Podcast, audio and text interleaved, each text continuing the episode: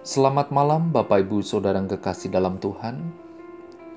Bapa di sorga, berikan ketenangan hati saat ini. Kami akan belajar firman-Mu. Lewat renungan malam ini kami boleh mengalami kebahagiaan sejati di dalam Tuhan. Di dalam nama Yesus. Amin. Tema malam hari ini kebahagiaan yang tertinggi. Bagian ini dikenal dengan sebutan khotbah di bukit. Matius pasal 5 berkata, Berbahagialah orang yang miskin di hadapan Allah, karena merekalah yang empunya kerajaan surga.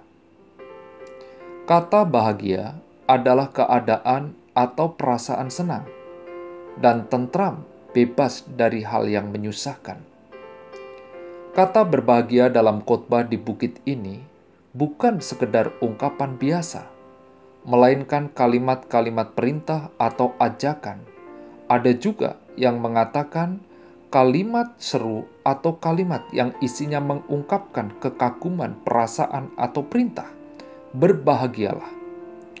Ungkapan atau seruan berbahagialah merupakan hal yang biasa dalam perjanjian lama.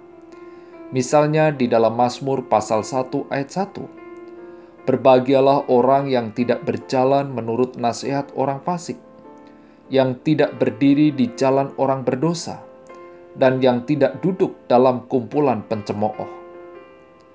Bentuk ucapan atau seruan seperti itulah yang dipakai oleh Yesus ketika mengajar murid-muridnya ini. Khotbah di bukit bukanlah adalah seruan yang harus dimengerti, dipahami sebagai seruan dan ajakan kebahagiaan yang bukan suatu nubuat tentang keadaan yang akan datang. Tetapi ucapan berbahagia ini merupakan seruan serta ucapan selamat tentang apa yang akan terjadi sekarang.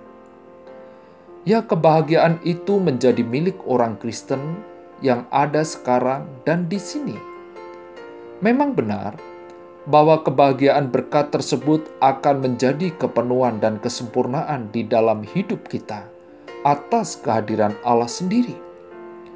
Kebahagiaan atas berkat yang Tuhan anugerahkan bisa menjadi kenyataan di dalam kehidupan orang Kristen sekarang ini, dan oleh karena itu harus dinikmati dan diamalkan.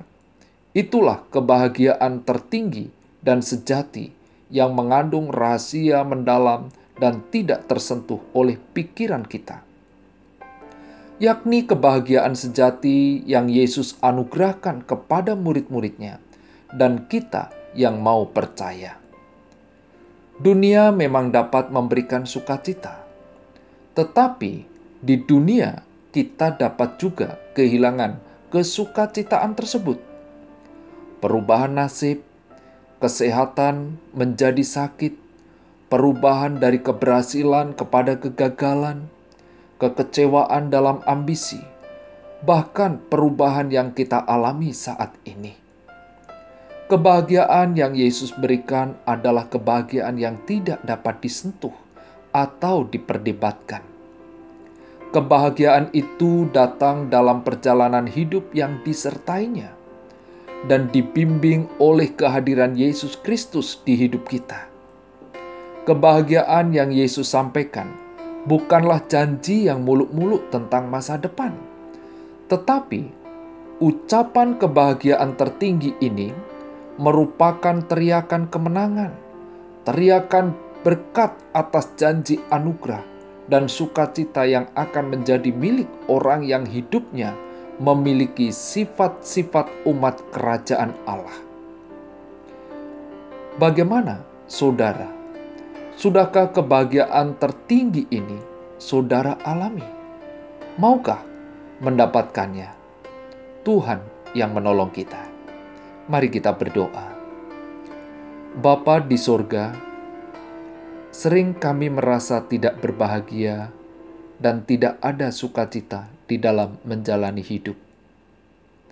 Lewat renungan malam ini, mengingatkan kami bahwa kebahagiaan tertinggi Tuhan anugerahkan, Tuhan berikan, dan saat ini pun dapat kami raih melalui iman percaya kepada Yesus Kristus. Di dalam nama Yesus. Amin.